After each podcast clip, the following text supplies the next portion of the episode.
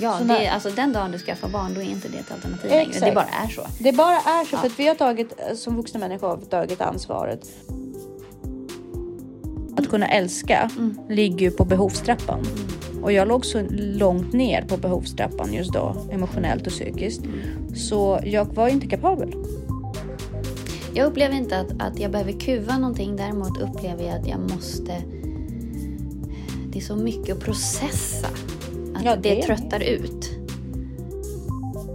Att förklara sig till omvärlden är otroligt jobbigt och är man en person som har mycket kreativitet, inte rädd att vara okonventionell och liksom överhuvudtaget tänker lite annorlunda kring, kring livet liksom. Då finner man sig ofta i en situation där man måste hela tiden förklara sig. Eh, Tyvärr.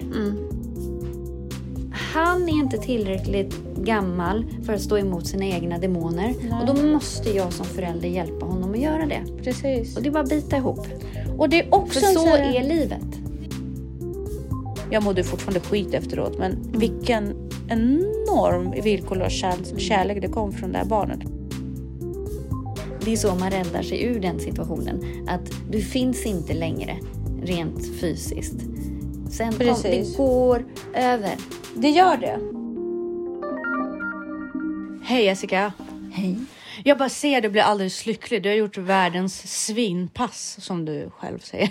Jag, ja, lycklig vet jag inte om jag är. Jag, bara, jag är så trött så att jag kan inte tänka riktigt ordentligt. Jag är lite rädd därför att jag vet inte vad ett svinpass av Jessica innebär. Alltså jag kan tänka mig det är så, så nära döden jag kan komma utan att faktiskt skada mig själv. Det är, ju det är en förlossning höll jag på att säga, men då skadar det ju faktiskt dig. Ja, alltså förlossning. Förlossning var inte så farligt när man väl fick... eh, Skämtar du med mig? Eh, Det är ju så nära döden man kan komma. men det är jag- ju liksom en slakt av kroppen. Ja, men alltså, när jag inte efter 43 timmar så sa de att jag, de måste ta kejsarsnitt på mig, så jag Ja. gjorde ju aldrig det naturligt för att eh, min kropp kom aldrig igång. Men verkarna var ganska episka.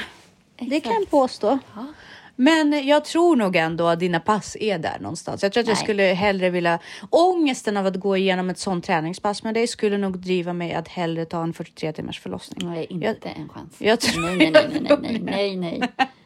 Ska vi säga hej Varmt välkomna till Ansvarspodden. Här lär vi oss att leva utvecklad, inte invecklad.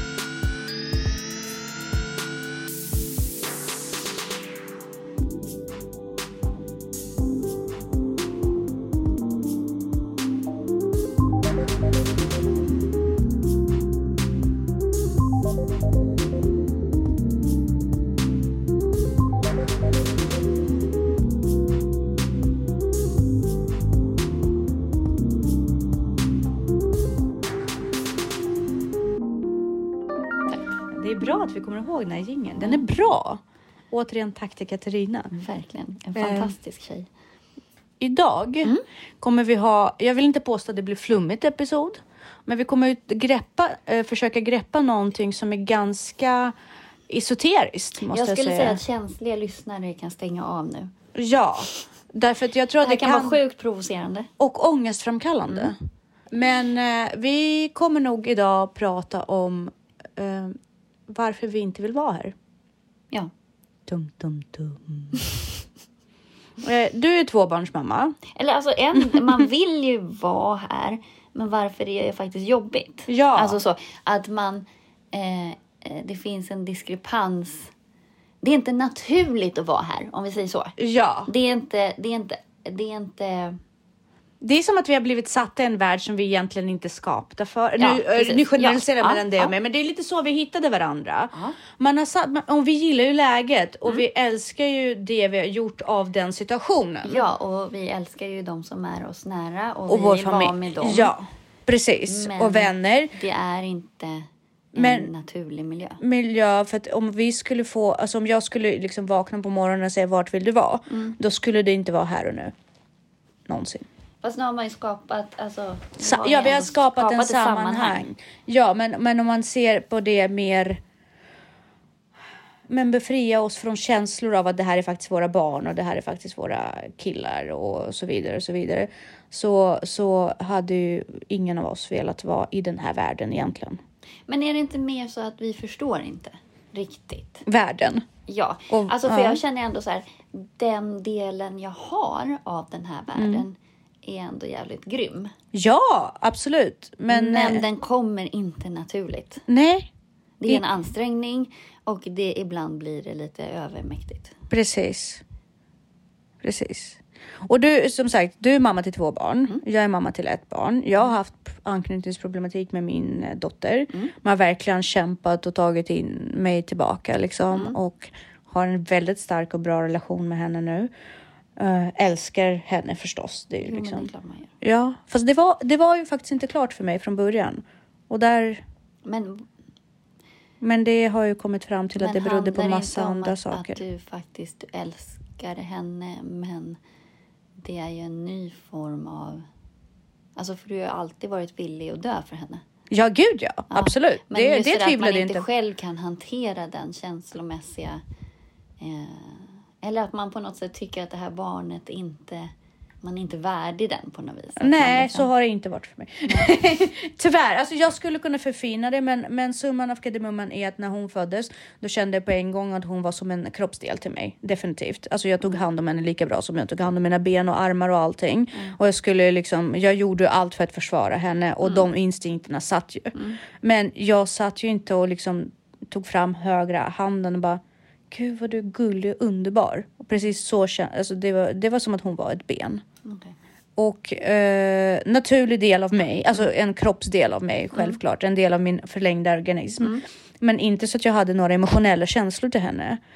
Och det går ju tillbaka till att jag var så otroligt stressad och eh, i fel sammanhang själv. Och eh, utbränd på väldigt många sätt och hade ma- massa så här, olösta konflikter inom mig själv som inte tillät de känslorna att komma ut. För det är en behovstrappa. Att kunna älska ligger ju på behovstrappan. Och jag låg så långt ner på behovstrappan just då, emotionellt och psykiskt. Så jag var inte kapabel. Det tog väldigt många år för mig att ta mig dit. Eh, Jag hade ju förlossningsdepression. Eh, Men där, jag hade en, en omvänd reaktion. Jag tyckte ju bara så otroligt synd om det här stackars lilla barnet. Som hade kommit till den här hemska världen och hade mig som mamma. Och att jag liksom inte... Och bara, som bara var ledsen hela tiden. Och att jag liksom inte var tack... Jag, jo, men jag var ju tacksam. Men han förtjänade så mycket mer på något vis. Ja, det tyckte jag definitivt att Elisabeth också gjorde. Alltså jag tyckte också synd om henne för att hon fick en mamma som inte var kapabel till att älska henne. Nej. Alltså som tog hand om henne visserligen, men inte var kapabel till det emotionella mys och gos. Och eh, nu tror jag att det är väldigt provocerande redan för våra lyssnare. Nej, men för jag hade svårt att ta till mig honom. Alltså jag hade svårt att, att ha honom nära och sådär för att jag blev så ledsen. Alltså jag tyckte att han hade det bättre hos sin pappa hela tiden.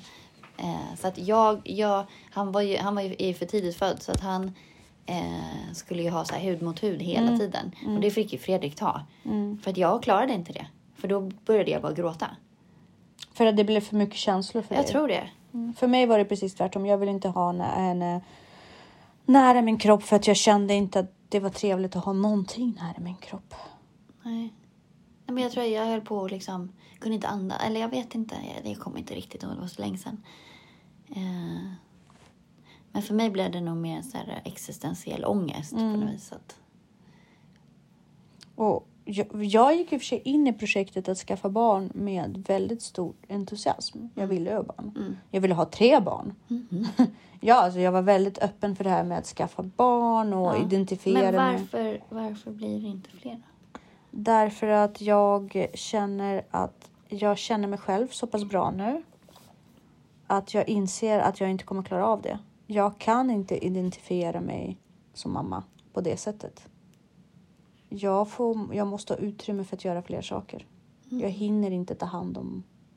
Men det är ju ändå på något sätt eh, heder åt dig att tänka så. För det finns ju väldigt många som skaffar fler barn och sen har man barnflicka och så har man liksom och så tar man man har ändå inte tid för Ja, barnet. gud nej. Nej, så kan, jag kan inte ha det så. Nej, men för så känner jag också Mm. så här, om jag måste ha hjälp att ta hand om det här barnet. Nu har jag i och för sig, mina föräldrar har hjälpt mig ganska mycket med Min- mina barn ja, och sådär. Men det, det, Men det är snarare lyx. Alltså det, det kan man inte räkna Ja, med. För, man kan inte ta det för givet. Det är en lyx som Mm. har infunnit sig. Sen så vet jag att mina barn uppskattar väldigt, väldigt mycket att vara hos sin mormor och morfar. Mm. Och jag värdesätter att de får tid ihop också. För jag tycker att det är viktigt att ett barn känner att den är älskad av flera. Ja. så är det klart att vissa gånger har jag verkligen behövt barnvakt. Så.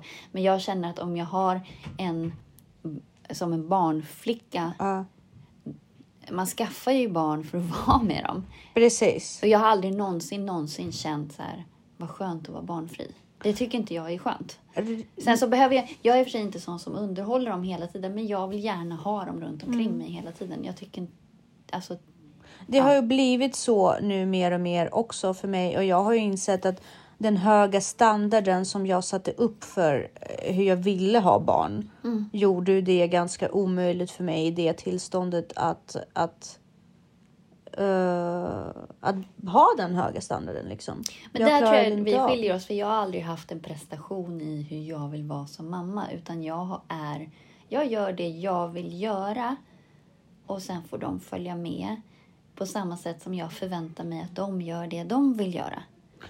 Ja, fast samtidigt så var du, jag, jag, eh, jag vill ju inte göra det hon vill göra. Ofta. Nej, och där har jag väl hamnat med mina barn också. Att Vi gillar ju inte att göra samma saker. Nej, men då får vi göra saker parallellt. Vi måste, jag har ingen press att vi måste göra saker ihop. Nej. För jag är inte uppväxt i en sån familj heller, så det är inte familje...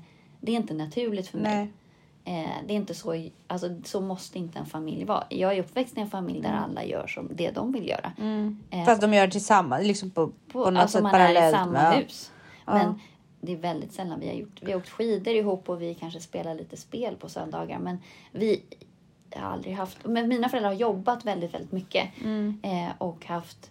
Eh, jag har haft förmånen att få växa upp i ett fantastiskt hus med en fantastisk tomt. Men det kräver också sitt underhåll. Så att Mm. mina föräldrar har alltid Haft saker. haft saker för händerna. Om de inte har städat så har de fixat på tomten eller Mm. så har de byggt någonting eller renoverat någonting eller så var De har inte suttit i på sandlådan med dig. Nej, det har inte funnits det utrymmet. Nej. Vilket också har gett mig utrymme att vara kreativ och Mm. jag har inte blivit styrd eller beroende av någon. Så jag har ju lärt mig att klara mig själv. Mm. Självklart under överinseende av mina föräldrar. Ja. Men jag har nog haft en upplevelse av att de har haft mindre koll. De har nog haft jäkligt bra koll Mm. på vad jag har gjort eller inte gjort. Men de har låtit mig vara. Mm. Och det har varit ganska bra på ett sätt. Mm.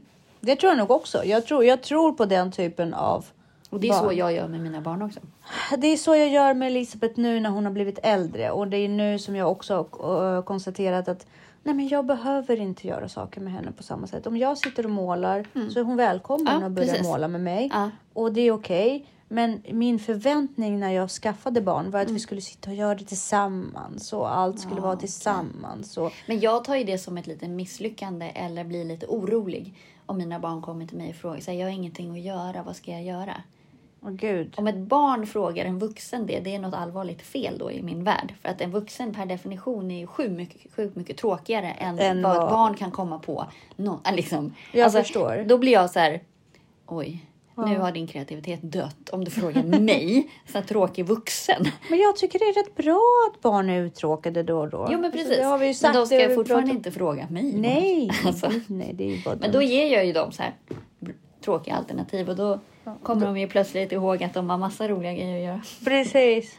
Städa ditt rum är bra. Om du, Mm. tills, du kan ju städa ditt rum tills du hittar på något annat roligare att Exakt. göra. Eller läsa Eller eller bara, räkna matte. Nej! Nej. Så springer de iväg. Ja, men, men under den, den förutsättningen så när, i, till och med innan Elisabeth kom, mina bästa stunder egentligen, Mm. fastän jag väldigt, alltid varit väldigt social person och väldigt liksom utåtriktad och så vidare, Mm. så har ju mina bästa stunder varit när jag är ifrån alla. Mm. Det är liksom mina lyckligaste, absolut bästa ögonblick. Mm. Och det har ju att göra med dels att prestationen inte finns. Mm. Och att jag måste inte hela tiden förklara hur konstig jag är. Till Nej, exakt. Ja, nej, men den är rätt skön att inte behöva så här. För att jag måste ju det. Ja, precis. För att jag kan ju börja gråta. Mm. Alltså helt plötsligt börja gråta. Eller få för mig att göra något jättebarnsligt. Eller någon som anses vara jättebarnsligt. Men det är bara en del av mig. Mm. Och det, det är liksom att hela tiden sitta och behöva beskriva sin egen pers- persona. Det är ju jättejobbigt i sig. Det är som att man hela tiden måste förklara sig till världen. Och det vill jag gärna slippa. Jo, men det är ju det här liksom att här, man orkar inte dela med sig för att man orkar inte eh, behöva få höra att man är konstig eller att folk reagerar. Det är ju en del av varför jag delar med mig så lite av. Det är som nu när jag håller på och flyttar. hade vi en situation här häromdagen. Eh, jag har ju full plan eller liksom helt klart för mig hur jag ska göra alla de här grejerna. Sen så vet jag att mina, vissa av mina lösningar kanske inte är helt ortodoxa. Eh, och så frågar Danne då hur jag har tänkt att göra vissa grejer. Och jag bara, men vet du jag orkar faktiskt inte berätta för jag Ja. orkar inte diskutera. Höra. Jag orkar inte ha någon kommentar kring det. Så, att, så här, han bara, men jag lovar att inte kommentera. Eh, jag bara okej, ja. Och då, det kräver ju ändå fortfarande en väldig trygghet. Så att all heder eller cred till honom att jag ändå då känner att så här, okej fine, jag berättar för dig. Så berättar jag min lösning. Och direkt han bara, men hur, nej just det, du vill inte ha någon kommentar. Jag bara, nej jag vill inte höra någonting mer nu. Nu har jag berättat, jag vill inte ha någon feedback överhuvudtaget. För kom ihåg det här vi berättade om att så fort du lägger ut någonting öppet så Ja. är det öppet för feedback. Ja. Eh, och jag vill inte ha det. Nej. Eh, för, och så kan det ju vara med väldigt mycket i livet. Att man liksom säger jag vill inte delge. För att jag orkar inte Nej. ha responsen. Nej. Och vill du veta en sak på tal om ADHD, för vi har pratat om det tidigare. Eh, det finns ju två tjejer som har någonting som heter ADHD-livet och de poddade om det och då sa de, eh, då sa mannen till en av tjejerna för de berättade om så hur det är att leva med någon som har ADHD. Då sa ju mannen så här. Det jobbiga med dig det är att ibland så kommer du och så berättar du någonting jättesvårt och konstigt och så här, liksom bara weird. Och så börjar jag liksom ge dig lösningar.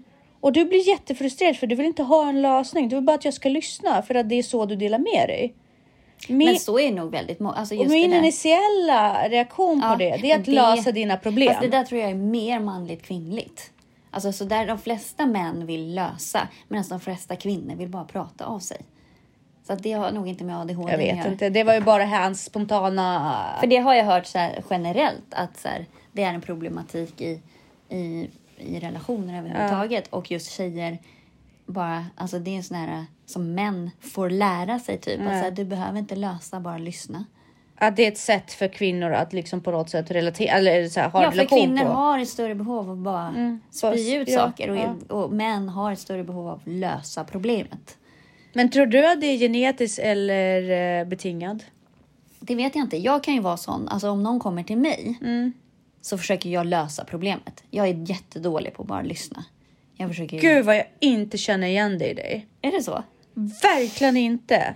Om det är någon som har lyssnat och lyssnat på mig Fast- så är det du. Jag, men tänk inte du på att jag försöker driva, alltså jag försöker. Du försöker vara konstruktiv Ja, i mitt precis. sätt att lägga fram det. Men du tvingar ju inte fram någon lösning på saker och ting. Nej, inte tvinga, men jag försöker, ju, jag försöker ju pusha dig åt det hållet som jag tror att jag hör att du vill åt. Jag vet inte, du är ju rätt manipulativ i sig så att jag, du, kanske, har- du kanske har tappat mig i processen. Men jag upple- min upplevelse, min genuina upplevelse Mm. att du lyssnar. Ja, för jag blir väldigt frustrerad av folk som inte vill lösa problem. Så att jag, försöker, jo, men jag, jag försöker lösa problemet. Om jag hör ett problem så försöker jag lösa det. Men... Eh, Du, ja. du kanske är bättre på att dölja, eller du vet så här, få det väldigt Nej, men det kanske, då blir det ju kanske, eftersom jag försöker lösa det åt det hållet som jag tror att du strävar, så upplever du kanske bara att jag stryker dig medhårs då. Mm. Ja. Alltså att du Ja, på något sätt får vara. medhåll. Så kan det vara. Ja, men så eh, att förklara sig till omvärlden är otroligt jobbigt och är man en person som har mycket kreativitet, inte rädd att vara okonventionell och liksom överhuvudtaget tänker lite annorlunda kring, kring livet liksom. Då finner man sig ofta i en situation där man måste hela tiden förklara sig. Eh, tyvärr skulle jag säga. Därför att vi, samhället är inte så öppensinnad. Och även om det ini- initiella är positivt, så här, nyfikenhet, skulle, om det skulle vara så, så är det fortfarande så att du måste sitta och förklara. Det är ingen som bara, åh gud, ja men testa. Det är sällan folk bara, spännande, berätta hur det går. Liksom, utan folk lägger alltid in en värdering i allting. Vilket gör det väldigt svårt att vara med andra och vilket gör det väldigt svårt att liksom att överhuvudtaget börja berätta om sitt liv. Mm. Vilket gör att man inte vill vara här. Däremot vad gäller Elisabeth, hon har ju fått diagnos och jag har ju nu också fått en ADHD-diagnos. Hon har ju alltid... Det, det jag uppskattar med att hon fick sin diagnos så tidigt, för henne är det ingen tankeställare att hon fungerar på det sättet. Nej. För mig har det alltid varit en abnormitet.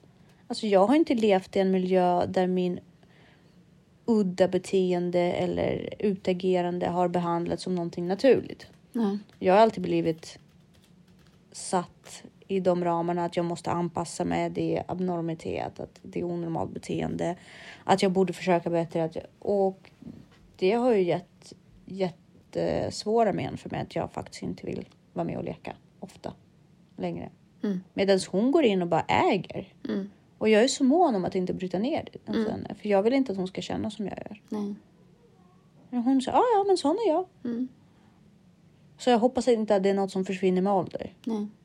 Och det är jag nästan rädd för att det kommer göra med något till. Ja, men någonstans måste man ju lära sig att anpassa sig efter samhället. Och det är därför Mm. det är också jobbigt. Och det, Mm, måste ju, absolut. det är en av grunderna till varför man ofta inte vill vara här. Mm. För vissa är det så pass stora delar av ens personlighet. För vissa ska jag inte säga. För mig Mm. är det så pass stora delar av min personlighet som jag måste kuva. Mm. För att funka semi-normalt. Mm. Att det blir inget roligt i längden. Jag upplever inte att, att jag behöver kuva någonting. Däremot upplever jag att jag måste... Det är så mycket att processa. Att Ja, det, det tröttar ut. Ja, för du måste avkoda allting till ditt eget språk på något sätt. Ja, och Och sen ta hänsyn till... Och jag får så mycket information. Mm. Eh, så att det blir jobbigt. Alltså, ja. Alltså, jag vet inte hur andra föräldrar ser på någon i backen som liksom står istället för att peppa sitt eget barn att "Ja, men det är klart du vågar åka pulka, det är klart du vågar åka pulka. Istället puttar den lite åt sidan bara. Men medan du sitter och bestämmer det så kan jag väl åka ner en gång. ja, men det är väl helt okej. Alltså, ja, Alltså, fast det, förstår du? Förstår Ja. du den sociala pressen av att göra så när alla föräldrar står Fast där jag bara, tvingar ju mina Kom barn istället. igen hjärtat, kom igen. Jag bara stoppar ner dem i pulkan och så åker jag. Ja, Alltså, och jag- med dem. Ja, Ja. alltså du, jag var Så med jag också Hugo göra. på, när han var jätteliten Mm. så cyklade vi till Erik- Eriksdalsbadet så ville han, först sa han att han ville åka vattenrutschkanan och så när vi kommer upp så var det ju för, för Mm. Ja. jag bara nej kom nu åker vi. Ja. Varpå han gråter så Ja. mycket så att vi var tvungna att stanna mitt i eh, Alltså jag var tvungen att stanna mitt i, I rutschkanan kanan, ja. och kliva av. För att han inte ska få traumatiska men. Men då gjorde du, alltså då kunde ni ändå stanna för i Västerås, alltså actionbadet där. Så tvingade jag Bettan med och hon grät hela vägen. Jag Ja. bara sluta! Och så åkte vi. Ja. Och sen, I och för sig så sen tyckte hon det var jätteroligt och vågade och sådär. Ja. Men det var ju fortfarande, alltså blickarna man fick Mm. sen var ju inte roliga. Nej. Men vi har ju också en problematik med den här curlinggenerationen så att det bästa är väl något mellanting däremellan. Eh, det är många barn, som det här att vi har den här problematiken med hemmasittare. Vilket är ju i 90 procent, 80 procent av fallen att man faktiskt från början inte vågar ta konflikten. Alltså, Gud, jag ja. hade, alltså jag, min yngsta är potentiell hemmasittare. Alltså, Men det finns inte många dagar som han har lite ont i magen och han och jag känner igen det där. Det finns många dagar jag vaknar och känner att jag skulle inte, jag skulle helst inte vilja gå till jobbet. Jag hade skolkat om det hade varit, om Mm. Men- jag hade kunnat. Ja. Och om, var, jag vaknade ju någon gång förra veckan och så var jag inte riktigt medveten. Så att någonstans i mitt huvud så trodde min kropp att jag fortfarande, jag var typ 15. Mm. Och jag bara kände så här, "Nej, fan jag skolkar idag, jag orkar inte gå till skolan. Och bara, Jessica det är inte ett alternativ, du är vuxen. Mm. Men det finns fortfarande i mitt huvud. Eh, och så att jag förstår honom. Mm. Men man får inte, det, det är inte ett alternativ. Du kan tycka och vara med och bestämma om mycket. Men om man går till skolan eller inte, det är liksom inte ett val du har. Nej. Utan det gör man bara. Så jag var tvungen att förklara för honom igår när han fick en sån, liksom började preppa. Man hör det. Han bara, jag Mm. har lite ont i magen. Jag, jag är nog lite sjuk. Om jag är sjuk imorgon, måste jag gå till skolan då? Mm. Han bara, du är inte sjuk. Och sen så, eh, så var ja, det spelar ingen roll. Jag kommer bära dig till skolan i pyjamas. så får du se hur kul, det är inte så kul så att det är bättre att du går upp och sätter på dig kläderna men vi ska gå till skolan. Men börjar man lyssna redan där, Nej. det är kört. För att sen när barnet är 14, 15, 16 då kan du inte bära den till skolan. Nej. Sen kan man tycka att det är ett övergrepp mot barnet. Men det är lag på att de ska Ja. gå i skolan och för hans bästa. Han Det är staten som har bestämt att det är för hans bästa. Jo, men också Mm. han är inte tillräckligt gammal för att stå emot sina egna demoner. Och då måste jag som förälder hjälpa honom att göra det. Precis. Och det är bara att bita ihop.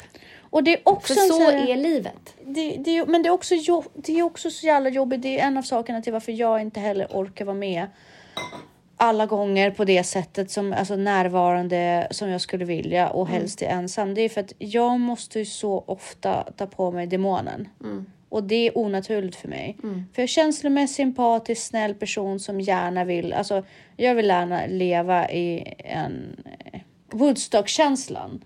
Det är ju min så här, Nej, det ska vara lite lalligt. Nej men ja, men det ska vara så flummigt och lalligt och harmoniskt och liksom måla här och hitta på smycken där och liksom så här kreativa grötiga miljön. Jag får lite Medans ångest jag när du får säger vara det, för att det funkar ju inte i den riktiga världen, för du måste kunna försörja dig. Ja, ja, i riktiga världen funkar det inte, men det är varför jag inte vill vara här. Mm. Jag pratar om det här. Är, det, det är som du säger, det här är mitt hus. Mm. Och sen måste jag träda ut ur mitt hus när allting är sådär flowy Mm. och jag går från cykeln till penslarna och tillbaka till cykeln Mm. och liksom flyttar med och har det bra.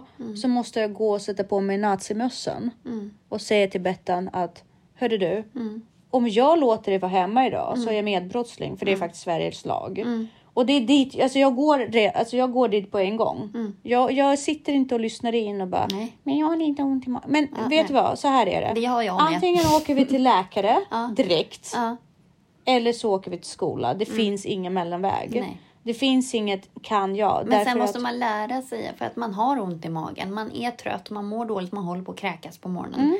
Det är bara att gå till jobbet, gå till skolan. Det är så, det är, kommer vara så hela livet. Nej men jag går ju fem kilometer till jobbet bara för Ja. att bli på humör. Ja. För att leva. Precis. Alltså förlåt men det är faktiskt mitt liv bokstavligen. Ja. Jag går till jobbet, tar den här promenaden för att sätta igång alla system Mm. som ska få mig att vara normal. Så att eh, det är ett, en jätteprestation och jag avundas verkligen. Jag avundas folk som går upp på morgonen Mm. och kan vara i den här världen utan att inte vilja vara i den här världen. Mm.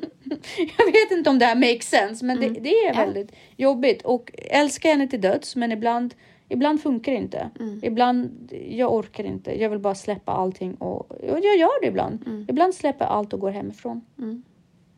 Jag kan inte. Och det är en av anledningarna till varför Elisabeth är väldigt självständig också. Mm. Därför att jag orkar inte med alla gånger. Nej, men mina barn är också väldigt självständiga, men det är för att jag har drivit dem Mm. dit. För att jag vill att de ska vara självständiga. För att jag också känner att det är en del det, har, det är en grej som jag har fått med mig hemifrån och vara väldigt självständig. Och det ligger väldigt mycket självkänsla i det. Mm. Ja. Att det här, jag klarar det här. Alltså hur svårt kan det vara? Men Sen kan man ha dålig självkänsla i andra sammanhang. Men just det här, jag är kapabel. Mm. Och jag känner mig väldigt trygg när jag är kapabel. Och det är liksom min grej. Absolut. Alltså jag minns den här diskussionen med, med huruvida barn får ta sig hem själva eller inte. Elisabeth var, hon gick i ettan när hon började ta Lidingöbarnen hem från skolan. Och vissa var så här, men hur kan du låta henne? Men vad är alternativet? Alternativet är att hon är kvar på skolan, bråkar med alla och straffar ut sig socialt. Vad är bättre? Vi lever inte i Harlem. Alltså Nej, barn jag blir inte... har blivit faktiskt lite mer stressad. För Hugo började gå hem Mm. från skolan när han gick i slutet, vårterminen i tvåan. Mm. Och det är ändå fem kilometer hem. Det tog honom dryga timmen att gå Mm. hem. Och det är genom skogen och det är liksom Ja. det är vid Kortlasjön där och så. Ja. Då var jag inte alls orolig. Nu skulle jag nog vara lite stressad om Ludde gick hem. Bara på de skillnaden är ju liksom fem år. Mm. Men jag litar inte på... Det finns så mycket knäppa människor. Är det allmänheten du har Ja, blivit varse? Jag tror att han klarar sig Mm. hem. Jag är lite mer orolig för att han skulle virra bort sig. Hugo är ju mer liksom, Ja, på ordning hugget. och reda. Ja. Eh, Eller på hugget inte, men han är mer medveten om. Ja, men, all, men de här rånen och, och sådana saker som man känner så här. Och där blir jag också så arg på samhället. Så här, ska man inte gå, ens få gå hem från skolan? utan att bli rånade. Alltså ursäkta. Mm. Alltså, och det, det, det är så här en parentes, men det är också en sån här frustration från min sida. Att det börjar hända så mycket skit i samhället. Mm. Och man säger gud det är så hemskt, det är så hemskt. Men vad gör man åt det? Det är ingen som gör någonting. Alla bara det är så hemskt, det är så hemskt. Ja, men ta tag, hur tar vi tag i det här? Det är inte okej. Ja, jag vet ju redan nu att om Elisabeth kommer bli en sån här tonåring som hänger mycket ute så kommer jag bli en vandrande förälder. Fasan på stan. Nej men det är nog där vi... Finns det något som heter så? Nej men det är en sån här parodisketch. Så har de så här fasandräkt på sig. Ja. Den är jätterolig. Skämma ut barn. Jag fasan på stan. Ja, men lätt att jag skulle bli en sån. Nej, men jag tycker att det är, det är civilkurage. Alltså, det handlar inte om att läxa upp ungarna. Det handlar om att hjälpa dem hem helt enkelt. Men nu när vi flyttar så kommer vi flytta väldigt nära tåget. Ja. Så då har han, behöver han inte gå så långt. Utan Nej. då, sitter, då, kan, då kommer han få åka hem själv. Ja. För då sitter han bara på tåget. Det kan inte hända så mycket på tåget. Nej. Betton Och brukar det, det är den sitsen du sitter i för ni bor ju väldigt nära Precis, tåget. och så har det alltid varit. Och hon har ju tagit den vägen hundra gånger. På somrarna brukar hon faktiskt vilja ta promenad ibland. Mm. Eh, det ja, men det gör de på, på Sandhamn. Promenerar de mycket själv. Ja. Där är de ju helt lössläppta. Ja, men Sandhamn är ju Ja. en liten sagovärld. Liksom. Exakt. Det finns ju inget. Vad ska hända Exakt, där? vad ska hända där? Ja. Eh, men, men så är det. Och, eh, och samma sak är det med relationer och vänner och så vidare. Ibland orkar man inte. Mm. Nej. För det händer för mycket i ens eget huvud. Och sen blir folk jätteledsna av att man är ledsen. Folk är så rädda för ledsamhet. För vissa är det verkligen tabu. Och jag är en person som har väldigt, precis alltså, som vi har pratat många gånger, som har väldigt bred emotionell spann. Jag kan bli väldigt, väldigt, väldigt glad eller otroligt ledsen. Och det blir folk rädda av. Och det går väldigt fort också. Och det går väldigt Mellan fort. Väldigt fort. Och det blir folk väldigt rädda för ibland. Tycker det är obehagligt andra gånger. Där Ja. återigen all cred till min fantastiska partner som har lärt sig det här nu. Han blev ju otroligt rädd i början och tyckte att det var jättejobbigt. Och konstigt. Konstigt! Ja. Så konstigt. Och han, liksom, om jag mådde dåligt så mådde han dåligt. Då fick man förklara för honom att du får skaffa dig egna saker och må dåligt Ja, över. precis. Du kan inte skaffa ta dig mina... ditt eget Och liv. Det Det blir här- inte bättre det här för är min mig. roll. Ja, men det blir inte bättre för mig Ja. av att jag vet att du också mår dåligt av ingenting. Ja. Nej men precis. För för mig är det naturliga processer, för det är det tydligen inte naturliga Nej. processer. Det finns ingen idé för det. Och det måste man också acceptera. Men alla är inte så. För alla är det inte naturliga processer att gå de här stora rollercoasters med känslor och bli väldigt existentiell och sen så bli väldigt, väldigt fnittrig i den andra sekunden och vara som ett litet barn. Men det är lite labilt så att jag kan förstå är labilt. grejen. Eh, men jag tar ju aldrig ut min, mitt, mina motgångar på andra. Det är, jag, det är ingen annans fel att jag är ledsen eller mår dåligt eller så. Jag blir bara lite Ja. tystare och har lite kämpigare. Eh, och det syns väl på mig och det är det han lider med mig. Men det bara är så. Precis som han har ont i ryggen eller Mm. så. Alltså det är bara så. Men där måste man också för- förklara att både du och jag har ju den inställningen att oavsett hur vi mår, oavsett våra diagnoser eller icke, oavsett vad, så ligger det fortfarande ansvaret för att gå till jobbet, Mm. ansvaret för att anpassa sig, ansvaret för att ta ansvar för saker Ja. Mm. som man misslyckas med eller lyckas med, ligger ju fortfarande på oss oavsett hur vi är Ja. Så är det ingen bortför... det, det är aldrig någonsin en bortförklaring. Det, du sa det så vackert en gång. eh, vi pratade om självmordstankar som man hade när man var mindre och sådär. Och det förlorade man ju för att man skaffade barn. Ja, Så det, när- är- alltså den dagen du skaffar barn, då är inte det ett alternativ längre. Det Exakt. bara är så. Det bara är så Ja. för att vi har tagit som vuxna människor har tagit ansvaret att skaffa barn Mm. och då är vi ålagda att vara de föräldrar. Det finns inte. Nej. Det finns inte. Och när psykiatrikerna och psykologerna frågar mig idag så här, när jag är i, svackor, har du haft tankar på självmord? Då säger jag det Mm. till dem. I bästa, om hade jag inte haft barn, absolut. Men jag är inte självmordsbenägen i dagsläget för att jag Mm. Har ett så stör, mycket större ansvar. Pliktkänslan är större. Pliktkänslan är mycket Jag tror större. att du och jag också tillåter oss själva att må skit. Mm. Men vi vet att... För det var någon häromdagen som jag hörde som beskrev det här med självmordsbenägenhet och så att det är som att du står och håller handen på en platta Mm. och alla bara ta bort handen, ta bort handen och så kan du inte göra det och Mm. till slut så bränner du sönder det och smärtan är så hög så att du ser bara en väg ut. Mm. Ehm, Men för mig, jag har funnit liksom en ro i den här smärtan. Mm. Så att då blir det nästan den här fakiren. Och så länge jag vet att jag kan gå tillbaka in i mitt hus Mm. där omvärlden inte finns, då den fysiska... Det, hur det fysiskt ter sig är ju att man bara sitter i ett hörn och blundar så att man inte finns. Mm. Alltså, det är ju det som är... Det är så man räddar sig ur den situationen. Att du finns inte längre rent fysiskt. Sen kom, det går över. Det gör det.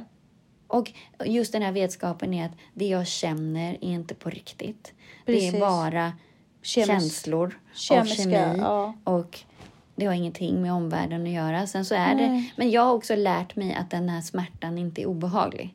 Nej. Eh, och sen också eh, har jag utarbetat en väldigt, väldigt stor verktygslåda av triggers för Mm. att vända det här. Så att jag känner när det här är på väg så lägger jag in alla verktyg och tricks jag har Precis. för att stoppa det. För att inte hamna för djupt. Ja. Och, och den smärtan, den är, den, är, den är förfärlig, den känns. Men den är inte farlig. Nej. Det är det. Man- Alltså att man måste, man måste rida med den vågen och lära Ja, känna den andas. smärta. Man måste verkligen vara så pass bekväm och Ja. bekant. Men, man får Men det är också återigen den här förlossningsmetaforen. Ja. Det är bara andas igenom varje verk. Det kommer gå över. Ja. Och det är... Ja, fan livet är en stor förlossning. Till döden, fan. Bara andas igenom Ja, andas, det. andas, andas. Andas Och då är det ju magiskt om man har en partner som bara kan hålla en i handen. Ja, Och som man faktiskt säger, allt jag behöver nu är en kram. ja. Och sen... Och sen blir det liksom bättre. Ja. Det var så underbart. Men det är ju villkorslös kärlek. Och där känner jag ändå så här... ehm, om jag ska vara krass, den fanns inte där från början. Alltså vi var för långt ifrån varandra. Men nu känner jag faktiskt senaste året liksom att, att den kärleken jag får från Danne är helt villkorslös. För att han är så trygg i alla delar av mig. Men du är så fantastisk lärare måste jag säga. Nej,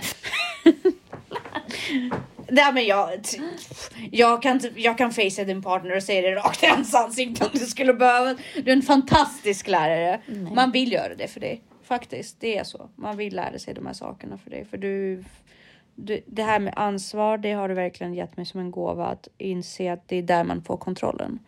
Så att det har ju, den där villkorslösa kärleken kommer väldigt mycket från våra samtal när det gäller Elisabeth. Och i söndag så hade jag en riktig svacka. Alltså det, var så, alltså det var så fruktansvärt. Jag grät och grät och grät. Och jag bråkade med henne och hon kom till mig och bara Mamma, ibland är det känslor överallt. Jag bara mhm. Vart, vart, Wow. ibland är det känslor överallt. Och du är inte arg på mig. Och jag är inte arg på dig.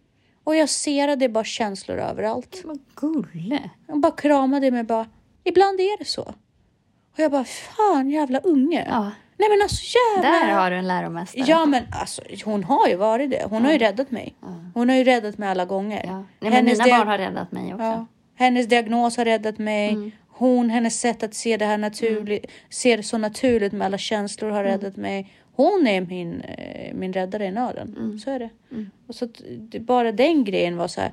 Jag mådde fortfarande skit efteråt, men Mm. vilken enorm villkorlös kär, kärlek det kom från de här barnen. Mm. Och bara att överhuvudtaget begrunda att Ja. lämna henne i den där skiten själv Mm. finns ju inte. Nej. Jag, hon är nio. Ja. Hon, hon precis fyllt nio och säger sådana saker till mig. Det finns ju inte. Nej. Då måste man vara jävligt egoistisk om man låter sin smärta gå före. Nej men alltså. Ja, ja, nej men precis. Och det Eh. finns, där känner jag att det finns ingen smärta som är värt att lämna de här fantastiska, fantastiska små mästarna. Ja men verkligen. Alltså, De är så naturliga. ja men så här, jag, då, då, då får jag dö av smärtan Ja, i så ja. fall. Men jag kommer inte Lämna dem. lämna dem. Nej. Och lämna dem med menet Nej. av en små mamma inte tyckte att livet var värt att leva. Fastän jag fanns här. Mm. Förstår du sveket i det? Och det? Nej, det skulle jag faktiskt inte klara av. Nej. Då lider jag hellre, tar alla piller, Ja, men då blir bränner jag hellre av mig handen. Ja, gud ja. Alla gånger. Ja. Än att, ja, ja det, här, det här är bra avslutning. Då hellre, då bränner, och det är lite så jag känner, att jag brinner hellre i den här världen. Mm. med vetskap om att jag kanske inte är skapt för den. Jag är inte optimala varelsen för att leva i den. Nej, men man får göra bästa möjliga situationen. Och vi har ändå kick-ass situation. Ja, Nej, men jag är så gud, tacksam ja. för att jag, ändå, jag har fått det absolut bästa som går att få Mm. i den här världen. Det tror jag. Jag har också eh, den, den eh, utsikten på livet överhuvudtaget. Och det var en, en kollega på jobbet som frågade så här. Gud vad synd att du fick diagnos så sent. För att du hade kunnat säkert må mycket bättre om du fick den tidigt. Jag bara, gud vad underbart att jag fick den nu. Mm. Överhuvudtaget. Ja, men det, det egentligen förändrar ju ingenting för att man Nej. har fortfarande ansvar för sig själv. Det finns ju de som har diagnoser som ändå inte tar ansvar. Det är ju inte livet bättre för Nej, dem överhuvudtaget. Nej, nej. Det där med att alla har ett släng av ADHD eller alla har diagnoser. Bla bla. Ja, Det spelar ingen roll Ja, men man diagnoser är ju bara en förstärkt Ja, variant. ja, det spelar ingen roll. Det, är, det är fortfarande det ger inga dispenser i livet. Nej, tvärtom. Det, och det måste man ju fan förstå att det, du kan vara deprimerad. Ja, du kan få hjälp, Mm, men det kommer inte vara enklare. mm, Du måste ändå göra jobbet och vissa får den lyckliga lotten att de inte har de här och det är väl jättebra. Underbart att det finns människor som slipper mm, och så finns det de som hela tiden brottas med att de inte vill vara här. mm. Och det är väl tack att vi bor i Sverige, att vi har råd, att vi har jobb, att vi har vår hälsa och tacka för andra saker. Så kan det vara. Verkligen. Du måste springa nu till träning. Jag måste springa nu till träning. Ja. Ska vi sätta punkt för det idag? Det gör vi. Tack och hej!